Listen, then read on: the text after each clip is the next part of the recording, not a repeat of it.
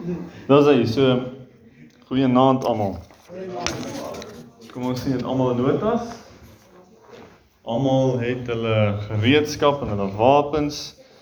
So, ek wil net kortliks begin met 'n hersiening. So vanaand se titel gaan wees die voorganger boodskappers. En ons gaan dit sien want dis belangrik vir ons hier iets wat die Here doen hier en iets wat die Here doen wêreldwyd in die kerk. En dan gaan ons kyk prakties daarna. Maar vir die van julle wat laasweek dalk so hier en daar iets gemis het of hier en daar iets gevang het, kom ons gaan gou in 5 minute hersien. Laasweek se onderwerp was die visie van die bruid van die eindtyd bruid. En ons het gesê die Vader is besig om 'n bruid vir sy seun gereed te maak en dat die Here jaloers is oor ons omdat hy met sy bloed ons gekoop het en ons bestem het tot heerlikheid en heerskappy. So die, Here is jaloers oor ons. Hy wil ons nie net laat gaan en tweede beste hê nie. Daarom het ons gesê volgens die skrif Jesaja, Jeremia, Esegiel, Joël, Maleagi, Sagaria, Haggai. Daarom gaan die Here unieke omstandighede op die aarde toelaat om soveel as moontlik mense te bereik met die goeie nuus van sy koninkryk. En dit gaan die beste en dit gaan die slegste van tye wees tesame. Matteus 13. Die gelykenis van die saaier. Jesus sê hierdie is die belangrikste gelykenis van alle gelykenisse. As jy die ene mis, dan mis jy die betekenis van al die ander. Hy sê hy saai goeie saad. Hy is die eienaar, hy is die boer. En in die aand kom die vyand en die vyand saai ook iets. En soos 'n goeie boer hier teen, dat al as die grond lekker gesond was, hierdie dag 4 breek die mielies uit. En dag 10 kan jy nou sien, hier nee, hier is nie meer mielies wat hier uitkom nie. Hier is nou mielies gesaai met tef, gesaai met allerlei ander goeters. Wat gaan hier aan? En die werkers kom vra die die eienaar, "Wat gaan hier aan?" En die eienaar sê, "Nee, dit moet seker die vyand wees." Nou dat ons gou gaan inklim met Roundup sê hulle. Nee, hy sê nie nie, ons doen nie Roundup nie. En dit is weer gawe. Ons ons boer biologies. Nee, laat dit alles groei tot by die oes toe. En by die oes sal die werkers uitgestuur word om die koring in te bring en dan die kaf te verbrand. En Jesus verduidelik dan en hy sê Die koring is die kinders van die koninkryk en die kaf is die kinders van die boosheid. Nou ek dink hoe meer en meer ek dit vergelyk met wat ons sien op aarde, hoe duideliker word dit vir my dat Jesus se woorde so werklik soos wat kan kom. Meer en meer Hollywood sterre kom en erken hulle het hulle siel verkoop aan die duiwel om daai roem te bereik. Dink jy 20 jaar terug het ons nie van sulke goed gehoor nie. 50 jaar terug was dit soos onbekend. Nou is dit Tony Hawk. Ek het hierdie ou gekyk vandat ek klein was. Pro skater. Tony Hawk kom in 'n advertensie en sê al in 'n advertensie wys hulle hoe hy sy bloed uittrek met 'n naald en dit in rooi verf inspuit. Hulle meng dit en hulle verf dit op 'n skateboard en hy het 'n ooreenkoms aangegaan met 'n maatskappy. Een van hulle snaakse name is soos Liquid Death as ek reg onthou. Is 'n water hulle verkoop water en energy drinks en daai tipe goed. En hy sê I have I have sold my soul to the devil. En hierdie advertensie Tony Hawk die een van die vaders van skateboarding so beroemd nou is dit soos ons sien die begin van die kinders van boosheid wat in hulle volheid ingaan. Nou dink ek, Here, ek dink amper die kinders van boosheid is voor die kinders van lig. hulle begin vinniger in hulle volwasse boosheid ingaan as wat ons in volwasse heerlikheid ingaan. Tweede paragraafie van die hersiening. Die generasie van Jesus se wederkoms is is die een generasie waarvan die Bybel die meeste geskryf word. Die me, as daar's die meeste geskryf oor hierdie generasie, daar's meer as 150 hoofstukke wat die hooftema het hierdie tydperk voor en direk na die Here se wederkoms. En in hierdie tydperk kom die Heilige Gees en beklemtoon hierdie primêre fokus dat Jesus 'n bruidegom koning is wat terugkom. En ons gaan vanaand aan dit raak want dit is so krities vir ons om te verstaan dat die Here het vooraf gesê wat gaan gebeur. Sodat wanneer daar weer 'n COVID scenario kom, die kerk nie hardloop na die valse profete toe wat die sekulêre media is en hoor wat hulle skree want hulle skree baie hard CNN en NBC en al die ouens en hulle skep die storielyn vir ons en ons sluk hulle storielyn en ons reageer dan ooreenkomstig. In plaas van dat ons sê die Bybel het gesê ons kan hierdie dinge verwag. Hier gebeur die dinge dan sê ons dis nie vir ons vreemd nie. Tweedens die Bybel het gesê wanneer jy hierdie dinge sien, hier is hoe God wil hê ons moet optree. Joel 2 vers 12, 13 en 14 tot vers 17. Bid. Soek my aangesig. OK. So kom ons klim in vanaand se boodskap in. Wie van julle het al gehoor van die konsep 'n voorganger boodskapper? Ja, ek dink Johannes so. Johannes die Doper. Hy is ons karakter onder die vergrootglas vanaand. Maar Johannes die Doper was nie die eerste nie. Wie was voor hom? Profete. Elia en die profete. OK. Hulle was die eerste, wie was voor hulle? Moses. Moses en Aaron. Moses in die woestyn ontvang die woord van die Here lank voor die volk in Egipte. Moses en Aaron gaan na die volk toe, praat met die leierskap. Die Here sê die tyd het gekom. Waarvan praat julle nou? Tyd vir wat? Die tyd vir ons om uit Egipte uit te gaan. O nee, Jesus, dis gaan 'n hele om, omwenteling wees. Ons weet nie waarvan jy nou praat nie. Die voorgangers, hulle hoor iets eerste. Daar's 'n bietjie onsekerheid want hier is 'n nuwe ding. Daar moet bevestig word in die mond van 2 of 3 getuies en die Here begin hulle stuur, hulle gees. En hulle begin goed sê wat nog nie gebeur het nie. Wat teen die kultuur is, teen die norm is. En die Here begin hulle stuur en daar kom tekens en wonders wat die woord bevestig. Die woord wat al gesê was, want onthou Genesis 15 het die Here vir Abraham gesê, vir so lank gaan jou kinders in Egipte wees. So die wat die oorlewering gehad het van oupa na pa na seun, sou geweet het maar die Here het vir oupa grootjie op 'n grootjie Abraham gesê, ons gaan so lank in Egipte wees. En toe kom Josef en Josef sê vir hulle, wanneer julle uitgaan uit Egipte uit einde van Genesis, vat my bene saam met julle. So dis 'n bietjie nader aan Moses se tyd. So hulle moes geweet het ernsste moet ons gaan. En toe die generasie nader kom by die vierde geslag, toe moes hulle weet ernstig moet iets gebeur. En hier daag Moses en Aaron op en hulle sê dis nou. Nee, wragtig, ons het gedog dis nog 'n jaar of twee. nee, dis nou. Nee, maar nou is jy weet nou is daar al die vrae, al die ums en ahms en jy weet hierdie gaan nou groot omwenteling wees. So daai is die voorgangers word vooruitgestuur voor die massas. Die voorganger eerste, hulle het al die teespoed. Hulle gaan teen die stroom op, teen die kultuur, teen die norms en dan breek hulle daai walletjie van die van die dam sodat die res van die water kan vloei. Dis die prentjie wat ek wil hê ons moet sien. 2A. Ons is geroep om die weg van die Here gereed te maak. Elia en Johannes die dopers, soos ons gesê het, het die bediening gehad om die mense voor te berei vir die koms van die Here. In Elia se tyd was dit die dag van die Here en in Johannes se dopers se tyd was dit Jesus se eerste koms.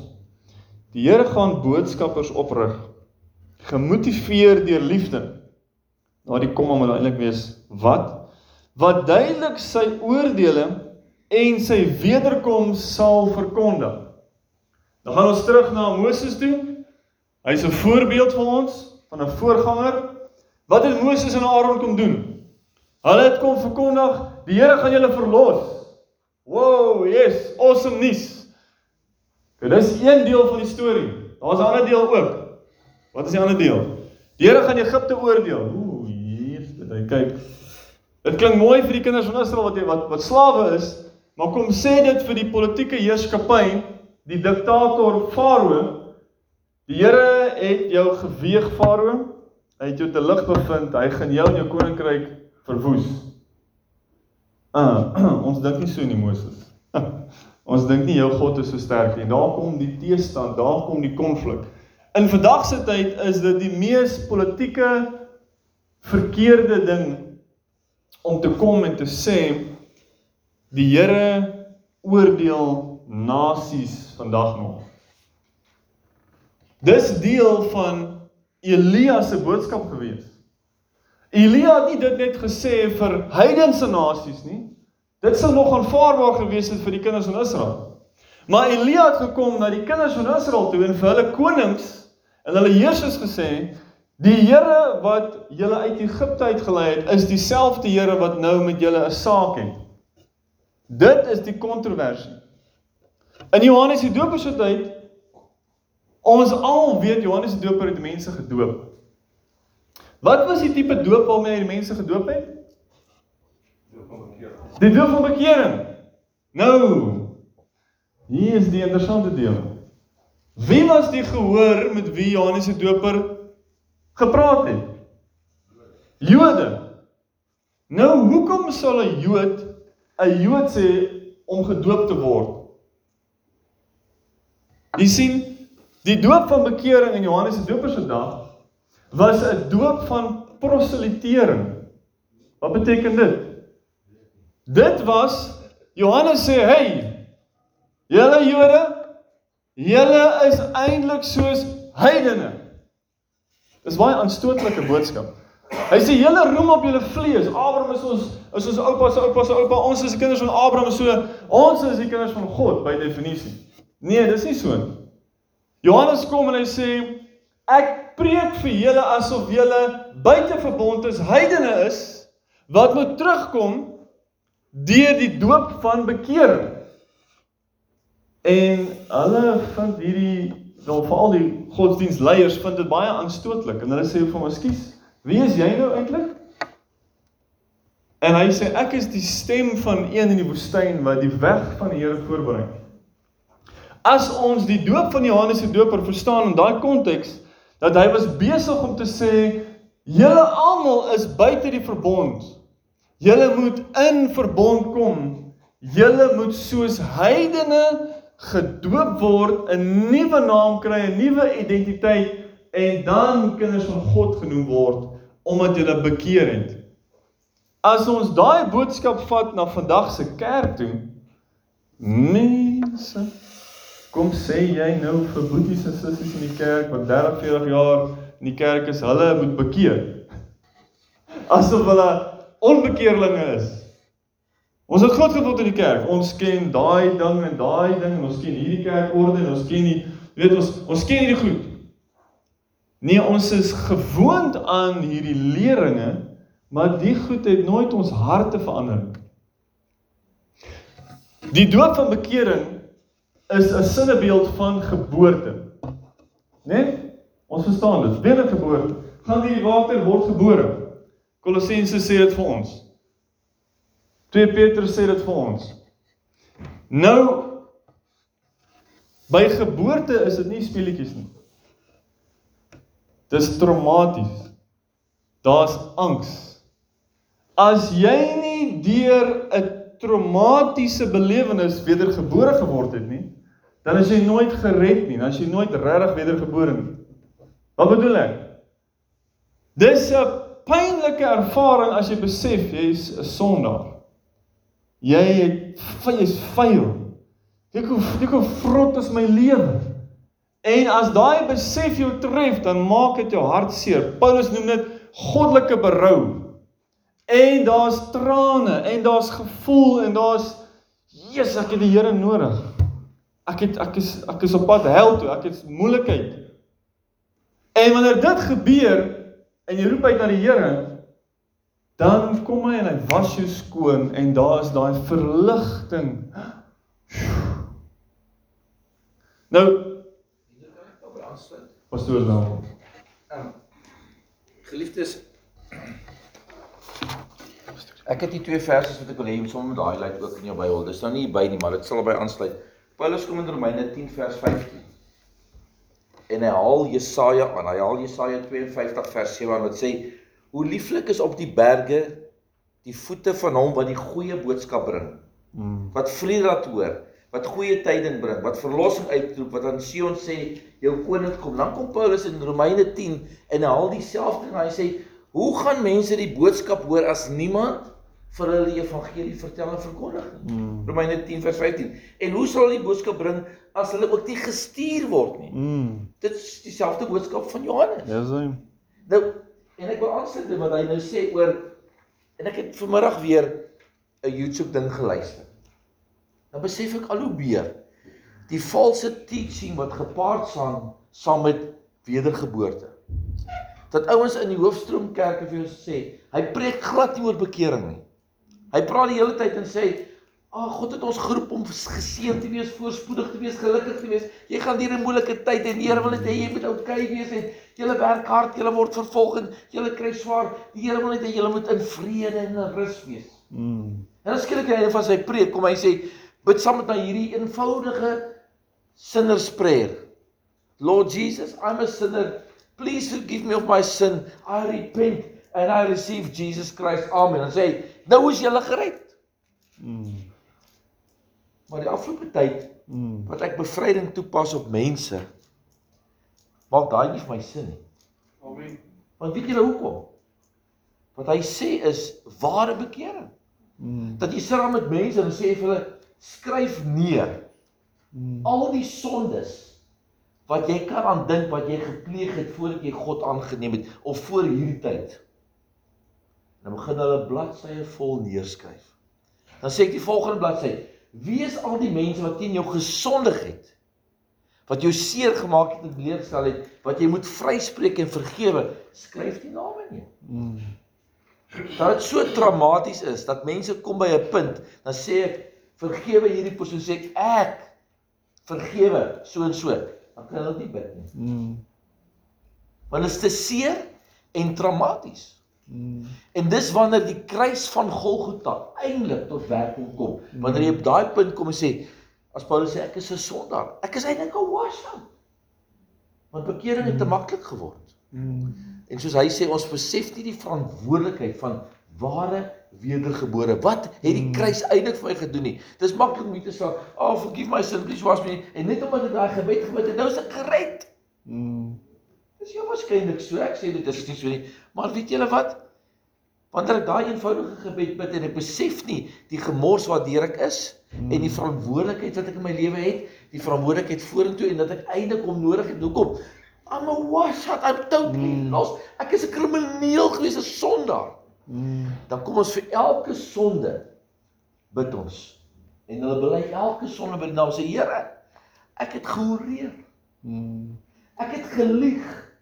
Ek het gesteel. Ek het geskinder. Mm. Elke sonde word bely. Dis hoekom hierdie bevrydings- en beradingssessies nie net 'n halfuur is nie, dis 3 tot 6 ure op 'n slag. Ek het in die week weer een gehad. Die vorige week het ek ook een gehad. Nou, dis dis moeilik om dit te begryp, maar dan maak dit sin wat Hendro dan hier sê. Hoe lieflik is die voete van hom wat die goeie nuus bring. Johannes het die goeie nuus gebring. Hy het die pad voorberei vir die Messias. Pas dit hier by in, maak dit sin. Amen.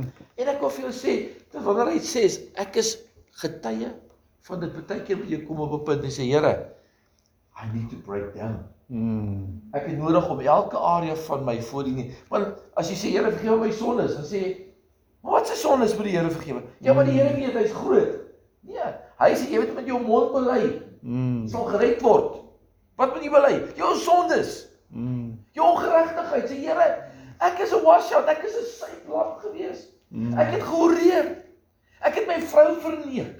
Mm. Ek het geskinder, ek het gesteel, ek het bedrog gepleeg. Ek wil dit voor U bely, Here. Dit maak dat die kruis van Golgotha waarde dra. Want Amen. dra nie waarde wanneer ek net kom en sê, "Vergewe my sondes nie." Dis groter as dit. Mm. Dis meer as dit. En wanneer ons by daai punt kom, dan sien daai mense wat daai deur daai bekering gegaan het, Mm. spring op en hulle besef hoe sleg hulle was en hoe nodig het hulle God. Mm. Amen. Anders het ek God nie regtig nodig nie. Dan kan ek net 'n gebedjie bid en sê, "I'm okay. Vir die res van my lewe gaan ek hemel toe gaan, ek maar wat ek wil." Dis gewoonlik daai mense Mm. wat weer in sonde verval, wat teruggly in ongeregtigheid. En hoekom? Hy besef nie waar hy uitgehaal nie. Mm. Want baie keer kan jy dit nie eens oor jou lippe bring nie. Mm. Dis hoe verkeerd jy was nie. Dat hierdie persone kom en sê, "Ek kan nie dit bid nie. Ek voel te skuldig." Maar jy Mm. moet. Maar ek help jou. En op die einde toe kom ek en sê, "Het al die mense vergewe, kan jy jouself vergewe?" Mm. Want toe kom ek voel te sleg en kry te skaam. Mm. Jy staan voor die Here gesterf. En dis daardie mense Mm. wat weet wat het God aan die kruis vir hulle gedoen deur Jesus Christus. So, ek wil dit net ingooi buite las Amen. want dit dit maak net sin. So jy kan daai twee verse bysit as jy wil. Ekskuus, hoe dit baie dan. Mm. Dis so pastoor se net. Ek laat my dink aan daai skrif wat Jesus sê, He that hath been forgiven much loves much.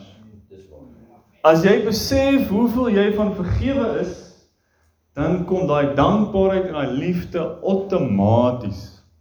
So Jesaja 40 vers 3 het ons ingesit. Daai boot, daai Jesaja 52 vers 7 is net so krities. Johannes die Doper, hy is die stem van een wat in die woestyn 'n weg van die Here vir die Here oopmaak. Maleagi 3 is ons skrif wat die Here ons gegee het. Nou Maleagi 2, kom ons gaan dit gou soen, ek het dit nou nie ingesit nie, maar Maleagi 2 skep die konteks vir Maleagi 3. Die die laaste versie van Maleagi 2. Maleagi 2 vers 17 sê hierso: Julle vermoei die Here met julle woorde. OK, dis seker nou die profeet wat vir die mense sê hulle vermoei die Here met hulle woorde en die, die mense is die priesters. Nogtans vra julle, waarmee vermoei ons hom? Deurdat julle sê elkeen wat kwaad doen is goed in die oë van die Here. En in hulle het hy 'n behaag. Of waar anders waar is anders die God van die reg? Dis die vraag wat hierdie goddelose priesters vra. Hulle maak hierdie stelling, kyk, hierdie mense wat sleg sleg doen is eintlik goed en hulle die Here te welbehandel want hulle word nie gestraf nie, daar word nie 'n uh, onderskeid gemaak tussen reg en verkeerd nie. En dan kom hoofstuk 3 vers 1. Kyk, ek stuur my boodskapper wat die weg voor my uit sal baan. Oh. Nou gaan die Here antwoord op hoofstuk 2 vers 17. Waar is die gereg? Waar is die God wat geregtigheid liefhet? Dan sal skielik na sy tempel kom die Heer na wie jy soek, naamlik die engel van die verbond na wie jy 'n begeerte het. Kyk, hy kom, sê die Here van die leerskaar. Maar wie kan die dag van sy koms verdra? Dis die antwoord op hulle wat sê kyk alles gaan maar net aan soos dit aangaan en ag daar's mos nou seker niks verkeerd met hulle wat so maak en so maak nie want kyk die Here weet hy het eintlik 'n behaan hulle want as hy nie gehad het dan sou hulle seker gestraf het hy sou seker iets gedoen het en dan sê die Here ek stuur boodskappers uit voor die tyd om die pad gereed te maak hoekom dis die barmhartigheid en die genade van die Here ek waarsku voor die tyd ek sê maak reg Kies waar jy wil wees, aan watter kant van die lyn. Want wanneer ek kom, wie gaan staande bly? Wanneer ek kom met die gereg. So 2.a hierdie groep mense, die Johannes die Dopers, die Elias. Dis hulle wat deur die gees van die Here geprikkel word, getrek word, wakker gemaak word. Hulle sien iets kom, hulle hoor iets. En daai boodskap trek hulle gewoonlik in die woestyn in. Dis waar Elia was, dis waar Johannes die Doper was. Johannes die Doper is die ou buite die norm. Hy moes in Jerusalem gewees het. Hy was deel van die priesterlike lyn. Hy moes daar opleiding gekry het. Maar die gees van die Here het hom in die woestyn ingevat. Matteus 4 kom Jesus in die woestyn in. Na hy gedoop is en die gees dryf hom in die woestyn in. So dis die heel eerste belangrike punt is hier's 'n groep mense wat die Here deur sy gees wakker maak. En hulle voel in hulle binneste dan moet meer wees. Hulle is nie vergenoeg met die status quo van die kerk nie. Hulle sien die gees van die Here is besig om 'n nuwe ding te doen. Punt B. Die boodskap van bekering in konteks van God se oordeel is die boodskap deel van die boodskap wat hierdie voorlopers, hierdie voorgangers bring. Ons sien dit baie duidelik. Matteus 3 vers 2 en vers 7. Johannes die Doper kom en hy preek en hy spraak hierso spesifiek met die die leierskap. Hy sê bekeer julle. Dis aan die aan die volk en die volgende deel is aan die leierskap. Hy sê bekeer julle want die koninkryk van die hemel het naby gekom. En dan kom hierdie leierskap van Jerusalem af en hulle sê luister, wie is jy? Is jy nou die profeet? Is jy die Christus, die Messias? Is jy wie, wie is jy nou? Dat ons ten minste 'n antwoord kan gee aan hulle wat ons gestuur het. En hy sê ander geslag julle skyn heilig is. Wie het julle aangewys om te vlug vir die toren wat aankom is? Ons kan nie ware bekering preek sonder om te waarsku van oordeel nie. Is dit nie hoe ons die evangelie preek nie? Jy's 'n sondaar. Kom ons help jou om te sien jy's 'n sondaar. Hier is wat God vereis. Jy kan nie daarby kom nie. Jy is gebore in die vlees. Jy het daai gevalle natuur ontvang, daai rebelse natuur van Adam en Eva na die sondeval. Jy sal voor 'n regverdige God verdoem word hel toe. Dis die oordeel op die vlees. O, gas. Nou sien ek deesdae in die kerk mense hou nie meer van die hel boodskap nie. Baie baie baie mense begin hierdie boodskap nou eers ons maak dit nie meer permanent hel, ons maak dit 'n tydelike hel. En dan maak ons die tydelike hel nie so hel nie. en dan sê ons nie hierdie ding sommer net foefies. So daar's geen rede vir jou om eintlik te bekeer nie. Want is dit 'n foefie? Dit is 'n droom. En dan praat jy met Bill Wiese en dan sê hy vir jou, kyk, daai foefie was so 'n foefie gewees. Hy het my die hel gehad. So die konteks van oordeel is waarin ons bekering preek. Bekering beteken niks as daar nie oordeel is nie. Die ewige oordeel en ewige lewe. Nou bring ons dit na hierdie wêreld toe. Hierdie aardse rillum waarin ons leef. En Johannes het gepreek en gesê hierdie Israel, hierdie nasie is onder God se oordeel. Hy gaan kom verwoesting bring. Hoekom? Want hy soek jou aandag. Hy soek jou in verbond. Hy het 'n plan met jou. Hy gaan jou nie los nie. Wil hy jou verwoes? Nee. Laat hy dit toe? Ja. Hoekom? Sodat jy kan terugkom na die roeping toe wat hy vir jou lewe het. Dis die doel. Ons noem dit redemptive judgment. En Elia het dit gepreek by die Baalpriesters. Toe sê hy vir hulle: "Kies nou vandag wie is waarlik Here en wie is nie." En hy het die reën opgehou. En hy het toe die reën weer gebring. En hoe meer ek hieraan dink, dink ek ek is seker hierdie is die die ouens van Openbaring hoofstuk 11. Hulle pas presies in die patroon van 'n Elia, van 'n Moses en van 'n Johannes die Doper. Jesus kom en hy sê Matteus 24 vers 2 sien julle al hierdie dinge? Die disippels sê vir hom kyk hier hoe mooi tempel en hoe mooi is die plek gebou. Hy sê vir hulle voorwaar ek sê vir julle daar sal nie hier sekerlik nie een klip op die ander gelaat word wat nie afgebreek sal word nie. Jesus sê wat Johannes gesê Jesus sê daar's oordeel bestem op Israel, op Jerusalem. Weens die verwerping van die Christus sal daar oordeel kom. Nou as ons dit reg baie werklik maak. Die Here sê Suid-Afrika is bepaal vir oordeel. Die regering, die mense, die kerk. As daai oordeel ekonomiese ineenstorting sou wees, as daai oordeel losbandigheid sou wees, plundering sou wees, totale anargie. En dit is vasbesluit van die Here af. Wat doen dit aan 'n mens? Wanneer dit kom en ons is vooraf gewaarsku, dan het ons 'n voorsprong. En ons is vooraf gewaarsku wat wil die Here hê moet ons doen om dit of te beperk of om dit heeltemal af te keer.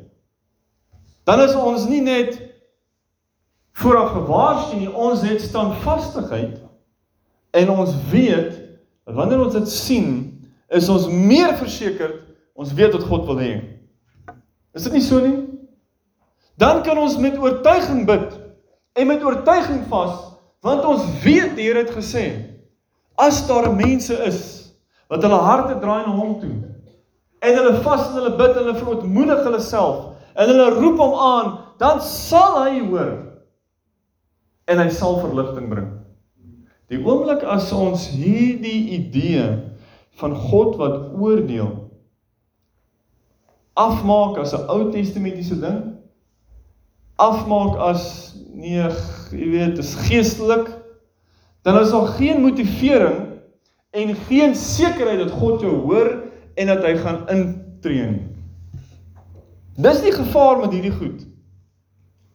Dis die gevaar met nee maar dis net 'n God van die Ou Testament wat oordeel en Jesus het al die oordeel vir ons gevat en so nee dis net happy go lucky nou. Dis En as ons lees van oordeel in die Nuwe Testament nee nee dit dit is vir Israel. Jy sien, jy sien hulle Hulle moet nog pak slaker want hulle het nog nie in Jesus geglo nie. OK, maar die kerk wat in Jesus glo, waar staan ons saak met die Here? As 2 biljoen Christene op aarde is, dan is dit 'n kwart van die aardse bevolking. Hoekom is die aarde nog nie 'n beter plek nie? As Suid-Afrika wragtig 80% Christen is, hoekom het ons die ergste misdaadsyfers? Die ergste korrupsie. Hoekom lyk die kerk se egskeidingssyfers soos die wêreld se? Hoekom lyk die kerk se jeug soos die wêreld se? Dan sê ek nee nee nee, ons is bedrieg hierson, heeltemal. En as Suid-Afrika regtig 80% Christen is, dan waarborg ek die oordeel van die Here sal kom. 1 Petrus 4:17 sê, die oordeel van die Here begin by die huis van die Here. As my kinders buite orde is, sal ek hulle eers aanspreek voor ek my buurman se aanspreek. As my kinders deur mekaar is en hulle doen allerlei goed en is rebels, het ek geen reg om vir die buurman te sê, "Hey, jy moet jou huis in orde kry." Maar as ons verstaan, die Here rig hierdie boodskappers op nie om te gaan en doomsday preachers te wees nie. Die doel van die oordeel is om ons wakker te maak vir die toestand waarin ons is en dat ons buite God se wil is. Ek dink nou aan Balaam of Biljam, as ek reg as ek reg uitspreek. Biljam se raad aan Balak was jy kan nie teen Israel veg nie. God is met hulle. Maar luister, hier's 'n baie slim plan. Jy sien? Ons het sulke mooi meisietjies hier in Midian. En jy sien as jy nou hulle stuur daar onder die kinders van Israel in. Onder onder hulle seentjies, hulle jong mans. En hulle flik vloei net so 'n bietjie en nooi hulle oor vir koffietjie en kry 'n bietjie verhoudings en ja, jy weet, net so lekker casual en en dan nooi hulle oor vir lekker braai en dan ag jy weet, kry hulle verlei hulle En dan nooi jy hulle vir 'n lekker spitbraai wanneer ons ons God aanbid. En dan maak jy dit gemaklik en lekker en dan as jy Israel kan kry om weg te draai van hulle God af en ons weet hoe werk hulle God se kop as hulle wegdraai van hom af sal hy hulle oorgee dat ons hulle kan oorwin. Hy sê Balak, dis 'n slim idee. En die Bybel sê vir ons hy het dit presies so gedoen. En die Bybel sê vir ons God het ongelukkig geraak met Israel se afgoderry. Hy het jaloers geraak. Hy gaan nie die ding laat staan en die ding los nie. Hy het toe ingetree en 24000 is dood. As die Here dit daar gedoen het, kan ek julle waarborg. Hy is nou nog meer jaloers want hy het met sy bloed betaal vir 'n mens. Daai was die bloed van stiere en bokke. Nou het hy mens geword, gesterf vir hierdie mense. Hulle laat proe deur die onderpand van die Heilige Gees. Hier is die deposito van dit wat ek beplan het. Ver groter as wat hulle gehad het in die Ou Testament. Daarom is ek baie oortuig en versekerd dat as die Here gesê het hy gaan die wêreld skud omdat hy jaloers is oor ons, dan gaan hy nie 'n klip los nie. Kom ons blaai om.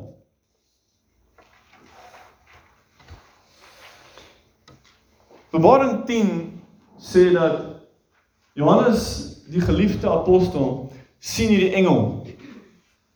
En die engel sê vir hom Johannes, sien jy hierdie boekrol? Johannes sê ja. Hy sê vir hom eet hierdie boekrol. Nou ons het dit gelees, dit het al gebeur in die Segel se tyd. En Johannes eet hierdie boekrol en hy sê in my mond was dit soet soos heuning. Maar toe dit in my maag kom, toe ek die ding begin verteer, die ding begin verwerk. Toe is dit bitter. En die engel sê vir hom: "Heel bo, die tweede deel van die versie. En hy het vir my gesê: "Jy moet weer profeteer oor baie volke en nasies en tale en konings." Wat profeteer Johannes wat soet is in sy mond en bitter in sy maag? Is dit dat Johannes profeteer die oordeel van die Here saam met die verlossing van die Here. Is dit dat hy sê wat ons sien Moses gesê het? Wat Elia gesê het? Want as jy net verder lees, die volgende stuk, lees jy van die twee getuies, Openbaring 11. En hierdie patroon van hulle wat die bitter is God se mense wat hulle verwerp wanneer hulle die woord van die Here bedien. Dis bitter. Maar die soet is wanneer die oordeel van die Here kom soos hulle gesê het, dan kom die nasies ingestroom. Geweldig, geweldig is die oes onder die nasies. Jesaja 26 sê dit vir ons vers 9. Wanneer die Here die nasies oordeel, leer die nasies geregtigheid. Wanneer die pa sê hier toe en nie verder nie, weet die kinders, nou. Dis tot daar nie verder nie. As jy 'n kultuur het wat sê, waar is hierdie God van die Christene? Waar is hierdie God van Israel? Ons kan met hulle spot, ons kan hulle aanval, ons kan hulle sleg sê, ons kan die Christene vervolg en daar's geen nagevolge nie. En dan kom die gees van die Here en hy beweeg in mense. En hy sê 2004 Desember sal ek Indonesië tref met 'n tsunami. Het julle die getuienisse al gehoor dat die Here vooraf drome gegee het, woorde gegee het, gewaarsku het dat al mense gegaan het en daar gaan bedien het in Indonesië en gesê het die Here sê hy gaan kom, hy gaan oordeel. Die Here sê hy gaan met 'n met 'n golf kom. En die mense het gelag en dit afgemaak. En die wat geglo het, het gegaan op die berg. En op 25 Desember 2004 toe kom die tsunami. Dieselfde ding kom 2011 Januarie. Die Here sê ek gaan oordeel. Ek gaan die aarde laat bewe daar op die kus van Japan. Ek gaan kom. Hoekom? Want hulle dink hulle kan spot met die God van die hemel en aarde. Ek gaan vir hulle wys. Ek is nie die God waarmee gespot word nie. En daar kom die tsunami. Soos geprofeteer is. Ek glo dit is Openbaring 11 wat die Here gaan doen. Hy gaan weer 'n Elia, 'n Moses, 'n 'n Johannes die Doper gemeenskap en mense oprig. Punt nommer 7. Daar's twee kante aan hierdie hierdie Johannes die Doper groep. Dis nie net bekeer en oordeel en daar's hierdie ongelukkigheid en daar's hierdie kritisheid. Dis nie die gees waarin bedien word nie. Johannes die Doper het sê hierso C deel C se opskrif die voorganger boodskappers is vriende van die bruidegom. Hulle is gestuur om te help om die bruid voor te berei. Hulle verkondig Jesus as primêr bruidegom, koning en regter. Johannes die Doper kom en hy sê in Johannes 3 vers 28 29 sy disippels kom en hulle sê vir daar's 'n uh, bietjie van ongelukkigheid en 'n vraag oor reiniging, oor die doop. En hulle sê Johannes, daai man wat jy gesê daar by by die Jordaan, hy wat voor jou was, wat na jou is en hy wat die Messias is, Hy is besig om meer mense te doop as jy. En hulle is ongelukkig. Hulle sê kyk, hy hy word meer as jy. En Johannes kom en hy antwoord vers 28: "Julle is self my getuies dat ek gesê het ek is nie die Christus nie, maar dat ek voor hom uitgestuur is. Hy wat die bruid het, is die bruidegom." Johannes die Doper verwys hier na Jesus as die bruidegom Messias. Nou, ons moet daar stop vir 'n oomblik. Dis dis baie belangriker as wat ons dink.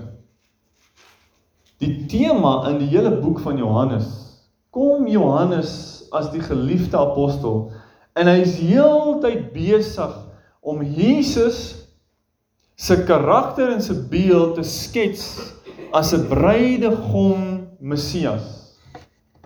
Wat gebeur in Johannes 2? Die eerste wonderwerk. Wat was die eerste wonderwerk Johannes 2? Die water in wyn. As jy Joodse leser was in die eerste eeu, wat is die eerste wonderwerk wat jy lees in die Bybel van water na wyn? Wie was die persoon wat dit gedoen het? Moses. Die 10 plaae. Ja, hierso is 'n nuwe Moses. Maar sien jy 'n nuwe Moses nie? Hierdie was nie in Egipte gedoen nie. Jesus het hierdie wonderwerk waar gedoen? By 'n troue, by 'n bruilof. Jesus die bruidegom kom en gee 'n klein voorsmaakie by 'n bruilof Hy tree op as die bruilof, die bruidegom by hierdie bruilof deur om massas soet wyn te voorsien. En dan sê dit hy Jesus sê vir sy ma Maria, my uur het nog nie gekom. My uur is gekoppel aan hierdie bruidegomrol van baie wyn te verskaf. En Johannes die Doper het hierdie ding verstaan. En hy sê die vriend van die bruidegom, hy sê hierso, ek wil dit weer lees. Hy wat die bruid het is die bruidegom, maar die vriend van die bruidegom, dis Johannes, wat na hom staan en luister, verbly hom baie oor die stem van die bruidegom. Soos dan hierdie blydskap van my volkome. Hy sê ek het gekom om die pad voor te berei. Wat het ek gedoen? Ek het die mense kom voorberei om die bruidegom te ontvang. En daarom is ek die vriend van die bruidegom en ek sien om na die bruid dat sy die bruidegom sal erken en ontvang. Dit beteken nie die voorgangers of die voorlopers is nie die bruid nie. Dit beteken hulle hoor en sien die bruidegom van ver. Hulle sien deur die gees, voel hulle hulle word beweeg, berei die mense voor, die tyd kom nader en nader. Maar dit gaan nie wees soos wat mense verwag nie. Berei hulle voor want die dinge wat gaan kom, gaan mense onkant vang. Die dinge wat gebeur het daar in Jesus se tyd, Jesus waarsku. Die tempel gaan verwoes word. Die tempel word nie verwoes net sommer so nie. Jy moet die hele samelewing omverwerp om die tempel te verwoes. Wat gebeur? 40 jaar nadat Jesus hierdie gesê het, na baie prediking, nadat hierdie disippels baie baie gepreek het en die leierskap het bly verset, bly verhard teen die woord van die Here, kom Titus die generaal en hy verwoes Jerusalem. Dis oorlog. Nou sit jy jouself in die disippels se skoene. Hier sien jy, Here Jesus het gesê in Lukas 19:45, wanneer jy Jerusalem sien omring word, weet verseker haar verwoesting lê voor. Jesus waarsku vooraf wat hulle moet doen. Hier kom dit. Die Jode wat Jesus verwerp het, is in groot verwarring. Hoe op aarde is dit moontlik dat hier nou weer 'n verwoesting kom? Here het nie gesê deur Jeremia, hy gaan ons terugbring nie. Here het nie gesê hy gaan die tempel herbou nie. Het nie gesê hy gaan die, hierdie tempel verheerlik nie en hulle het die tyding van die Here gemis. Hulle was kans gegee en kans gegee en kans gegee sodat daai generasie geen verskoning gehad het voor die Here nie. Maar die verwoesting het gekom. En hulle wat in die Here was, hulle het geweet, Jesus het gesê so, maak nou so wanneer jy so sien. En hulle was standvastig en hulle het gevlug. Punt nommer 7 wat vir my so belangrik is hier is die openbaring van Jesus as bruidegom gaan in hierdie generasie groei en groei en groei. Die liefde van 'n bruid na 'n bruidegom gaan ons sien in die kerk groei en groei en groei. Die motivering om Jesus te sien terugkom gaan uit liefde wees soos 'n bruid haarself voorberei en in afwagting wees vir die bruidegom. Dit gaan nie net meer 'n dienskneg ek dien die Here want die Here is Here en jy weet hy's koning en hy's heerser. Nee, dit gaan wees intieme ek voel hom. Ek smag na hom. Ek verlang na hom.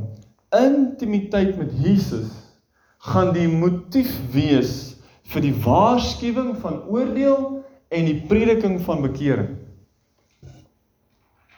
Maar dit sal gebeur in konteks met die einde van dae met gebed en aanbidding. Want jy kan nie intiem met Jesus wees, hom sien as 'n bruidegom vol heerlikheid en nie begin aanbid nie. Die kerk as 'n geheel, wanneer ons hom begin sien in Openbaring 1 in sy heerlikheid en ons sien sy liefde vir ons en ons begin sy plan sien waartoe hy ons vat, dan beweeg dit en dit verander ons manier van aanbidding. Dit verander ons manier van gebed. Dis Openbaring 22 vers 17. Die laaste verwysing in die hele Bybel na die kerk is die bruid. En die Gees en die bruid sê kom. As ons waarlik hierdie openbaring van bruid het, wat is die eerste ding wat in ons harte gebeur? 'n Verlange na ons bruidegom.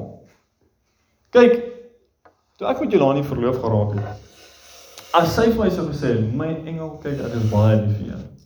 En ek sien so uit na ons troudag. Maar jy weet, daar's net hierdie, ek wil net graag hierdie doen en hierdie doen en hierdie doen en hierdie doen en jy weet, en dan as ons hier klaar is, dan sal ek so graag wil trou.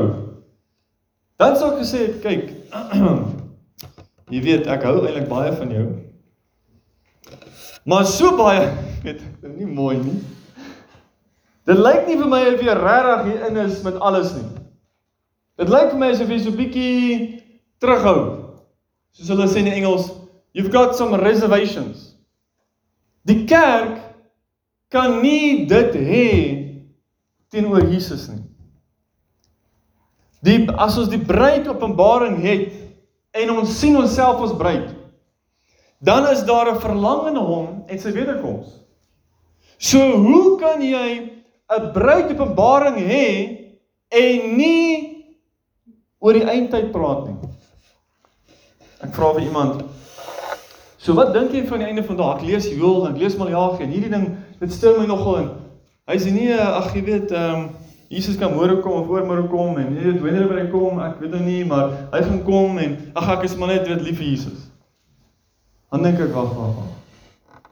Erns in ons Christen kultuur is daar 'n massiewe glitch. 'n error operating system error. Ons het die eindtyd so vaag gemaak en so onduidelik en so te mekaar en dit heeltemal ontkoppel van Jesus as 'n bruidegom, Jesus as passievol en lief vir ons dat hierdie twee kan nie bymekaar kom nie.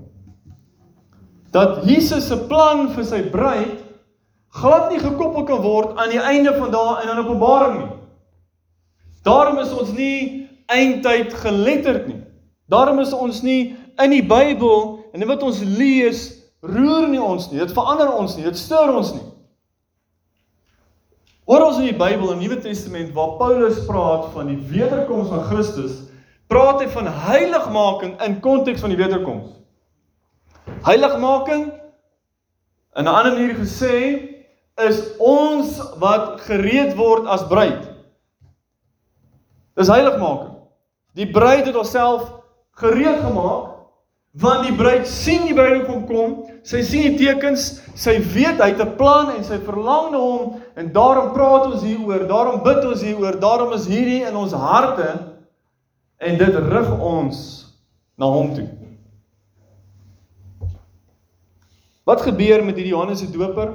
Matteus 11 vers 12 sê vir ons: Vanaf die dae van Johannes die Doper tot nou toe. Wat sê dit? Word die koninkryk van die hemele bestorm. As Johannes die Doper vandag geleef het, dan het hy 'n boodskap gepreek dat Jesus is die bruidegom, hy is die koning, hy is die regter, hy is spoedig op pad en dat die wêreld geoordeel gaan word deur hom en jy het 'n keuse nou om hom lief te hê, om gereed te word as bruid om sy koninkryk te ontvang. Maar as jy teen dit kies, weet verseker hier is God se oordeel wat gaan kom. Johannes die Doper se boodskap en die reaksie onder die mense was mense wat die koninkryk van God bestorm het. Dis 'n gewelddadige woord daai. Dit sê vir my Hierdie ou het kom preek dit mense so geroer in hulle binneste, hulle was bereid om alles oor te gee en te hardloop te doen wat Jesus sê. Weet jy wat sien ek? Ek sien daar die ontstaan van sendingorganisasies. Sending hart. Alles oor te gee, alles aangaande my is gerig vir sy koninkryk. Ek soek alles van sy koninkryk. Ek soek die koning en alles wat die koning wil gee. En ek is bereid om die prys te betaal daarvoor. Want ek glo hierdie boodskap. Dis 'n werklikheid. Dit is die natuurlike logiese gevolg van iemand wat glo. Is dit nie so nie? So Johannes die Doper het dit gedoen. Toe hy kom preek het voor Jesus kom, Wat gebeur toe Jesus kom en hy demonstreer die koninkryk? Toe sê die mense, "Hé hey, Johannes, dis wat jy gesê het. Hier is hy nou. Hy doen dit." En Johannes sê, "Ja, dis hy." En die mense hardloop agter Jesus aan en gee hom alles. Want jy sien Johannes het disippels gehad. Sy disippels het oorgegaan en Jesus se disippels geword. Het julle geweet? Die seuns van Zebedeus was Johannes se disippels. Wie van julle het al die Chosen gekyk? Ja. Dit is nie net so mooi daarso. Daai is wat ons vandag gaan sien, julle. In hierdie generasie. Die volgende 5, 10, 20 jaar. Ons gaan mense sien bereid wees, oud en jonk, om alles oor te gee vir Jesus en om hom na te jag, om hom te sien kom in ons generasie. Kom ons lees gou-gou saam. Ek het nou nie hier op die notas gesit nie, maar kom ons blaai na 2 Petrus toe, hoofstuk 3. Ek dink hierdie is 'n goeie skrifgie vir vir hierdie tyd nou. 2 Petrus 3 kom Petrus sy laaste briefie voor hy sterf. Hierdie is die laaste van die laaste woorde van sy laaste briefie. En hy sê hierso ek wil vers uh, vers 12 lees. Kom ons lees vers 11 en dan vers 12. Vers 11 sê 2 Petrus 3 vers 11. Die konteks is einde vandaan. Terwyl al hierdie dinge dan vergaan, hoe danig moet julle nie wees in heilige wandel en godsvrug nie. Hy sê as al hierdie goeders gaan verbrand, watse tipe mense moet ons wees as ons hierdie einde van dae sien kom?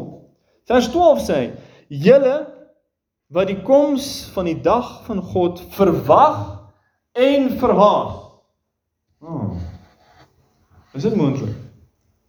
Is dit moontlik dat boodskappers soos Johannes die Doper vandag ywerig vurig vir Jesus preek oor die einde van dae preek oor Jesus as bruidegom preek oor gebed preek oor oordeel preek oor liefde preek oor eerste liefde en dat hulle die koms van Jesus kan verhaas. Dan sê ek absoluut. Punt nommer D waarmee ons gaan klaarmaak. Sien ons is by 6 uur. Punt nommer D. Hierdie voorganger boodskappers help die kerk om vir Israel in te tree in haar grootste uur van toetsing, van beproewing. Jy sien ons is nou in 'n generasie wat Johannes die Doper en Elia nie in was nie. Hulle het nie die nasies gehaat wat Israel toe kom en Israel wil verwoes terwyl daar onder die nasies 'n magtom gelowiges is nie. Hulle het nie ons toestande gehad of toestande het waar die kerk vir die laaste 2000 jaar 'n antisemitistiese houding het. Ons het groot geword met ons is kerk, ons is heidene, hulle is Jode, ons glo, hulle glo nie en ons verstaan nie God se plan met hulle as Israel en ons as kerk nie. So wat gebeur? Die woord sê vir ons, daar's 'n uur wat kom. Ek wil dit hierso lees, Romeine 11 vers 25 en 26. Paulus kom en hy verduidelik hier, Romeine, julle kan gerus Romeine 19 en 11 lees. Daai drie hoofstukke saam in konteks. Paulus verduidelik hierdie kwelpunt van Israel wat nie glo nie en die oorblyfsel wat glo en wat is God se plan met Israel al glo hulle nie. Hy sê want ek wil nie hê broeders dat julle hierdie verborgenheid nie moet weet nie. Net dan. Net dan moet ons stop. Hierdie boodskap van die laaste dae vir die kerk is dat ons hierdie plan wat God met Israel het nie moet misverstaan nie, nie onkundig oor dit moet wees nie. Hoekom Henry? want dit gaan krities wees in die kondisionering van ons harte. Hoe gaan ons na Israel kyk? Gaan ons vir hulle bid? Gaan ons sien dat God 'n plan met hulle het of gaan ons deur die hoofstroom media gedraai word teen Israel om hulle te haat? En die haat van Israel sal gevier word deur 'n misverstaan van God se plan met Israel. 1933 toe word Hitler wat is dit? President, ek dink nie dit was president nie. Dis is 'n prime minister van van Duitsland en hy praat Bybel uit die een mond uit, aan die een kant van sy mond en hy praat haat vir die Jode aan die ander kant van sy mond. En hoe kry hy dit reg om in bewind te bly? Die vergeesteliking van die konsep van Israel, die Jode en dat hulle nie God se mense is nie, dat God se plan het aangeskuif vervangingsteologie. Paulus sê sodat julle nie eie wys mag wees nie. Vervangingsteologie. God is klaar met Israel, die kerk is geestelike Israel. Hy het hulle vervang. Ons is eie wys en dan wanneer ons gedruk word, ons gaan ons besigheid verloor as ons saam met Israel staan. Die kerk gaan sy posisie verloor as hy saam met Israel staan. Ons gaan in die regering se oë gaan ons vyandig wees, terroriste wees as ons saam met Israel staan. Nou is die druk op. En wat gebeur nou? As jy wankelbaar is oor hierdie punt, gaan jy baie vinnig toegee onder die druk. En as jy toegee onder die druk, gaan jou teologie, jou gebed, jou houding soos 'n sneeubal gaan in 'n rigting. En dan gaan groot gevolge wees. Ons het die geskiedenis wat gaan herhaal. Hy sê dat die verharding ten dele oor Israel gekom het totdat die volheid van die heidene ingegaan het. Daar's 'n tydelike sluier oor Israel as 'n geheel. Ja, die laaste 25, 30 jaar het ons die meeste Jode wat gelowig geword het as in die laaste 2000 jaar. Maar die nasie as 'n geheel en hulle leierskap, daar's 'n sluier daaroor. En die Here het 'n plan daarmee. Hy sê hierso: "En so sal die hele Israel gered word soos geskrywe is, die verlosser sal uit Sion kom en sal die goddelosehede van Jakob afwend." Wat is hierdie groot dag wat kom? Jeremia 30 vers 7 sê dit. Hy sê dis Jakob se tyd van moeilikheid. Jacob's trouble sê die Engels. En wat is die kerk se rol in hierdie tyd? As Israel se lyding bekering beteken het vir die nasies omdat hulle as 'n nasie Christus verwerp het, aan hulle was die offer van die koninkryk eers te gegee. Hulle leierskap het dit verwerp. Die Here het gesê, nou gaan ek gaan na die nasies toe, die evangelie gaan na die nasies toe. Al die nasies word die geleentheid gegee van die koninkryk van God deur die evangelie. En die nasies een na die ander een maak 'n besluit, maak 'n besluit, maak 'n besluit.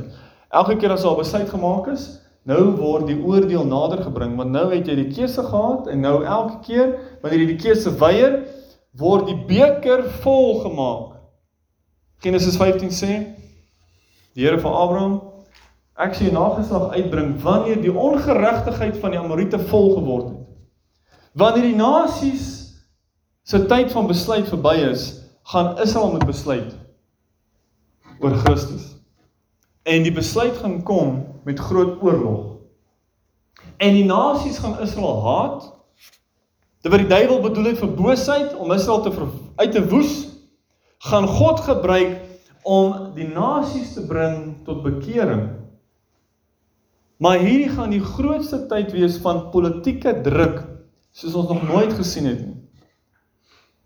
Hoor wat ek vir julle sê, as daar weer 'n oorlog kom en binnekort gaan daar een wees tussen Israel en Hezbollah in die noorde en Israel en Gaza in die suide, julle sal sien die duisendes moslems en Palestynse ondersteuners die strate ingaan met vla, hoeters, te kere gaan, hulle het dit gedoen daar in die Unie in die parlement, voor die parlement gebou 40000 mense kom in die strate en hulle skree en hulle maak protes teen Israel, teen Israel Daai is net die druppel in die emmer. Psalm 2 sê die nasies woed en hulle haat God en hulle haat sy gesalfde. Daai sal net toeneem en die kwelpunt sal wees waar staan jy teenoor Israel in die Palestynse saak? Dit gaan die rede wees om hulle te haat en dan met Cherubie Koek te sit gaan die tempel herbou word. En dan gaan daar teoloog, teologiese konflik kom Nee, hulle trap op die bloed van Jesus weer om te offer en al hierdie verwarring en hierdie konflik en dit gaan maak dat jy moet besluit. Sê teen hierdie mense? Sien as ons nie verstaan wat God se plan is nie. Met al hierdie druk gaan ons fout. En as die Here wil hê dan moet 'n mense wees onder die nasies. Wat Jesaja 62 vashou. En sê Here, ons sal nie swyg nie totdat Jerusalem verheerlik word totdat Jesus uit die hemel uitkom na Jerusalem toe, totdat Israel gered word. Ons sal bid vir hulle. En ons sal preek. En ons sal die kerk waarsku dat daar nie weer onder die kerk sal wees die wat wegtree en 'n holocaust goedkeur nie. Ons wil leer uit die Tweede Wêreldoorlog uit. Ons wil leer uit daai kerk in Duitsland. Ons wil nie dieselfde foute maak nie. Dis 'n baie politieke kontroversiële onderwerp wat as ons die Bybel reg verstaan, ons moet 'n besluit en 'n standpunt inneem. En dan daai standpunt moet ons in liefde en in nederigheid maar duidelik preek. Ek dink ons stop daar. Dan gaan ons 'n breek vat. Dan gaan ons terugkom.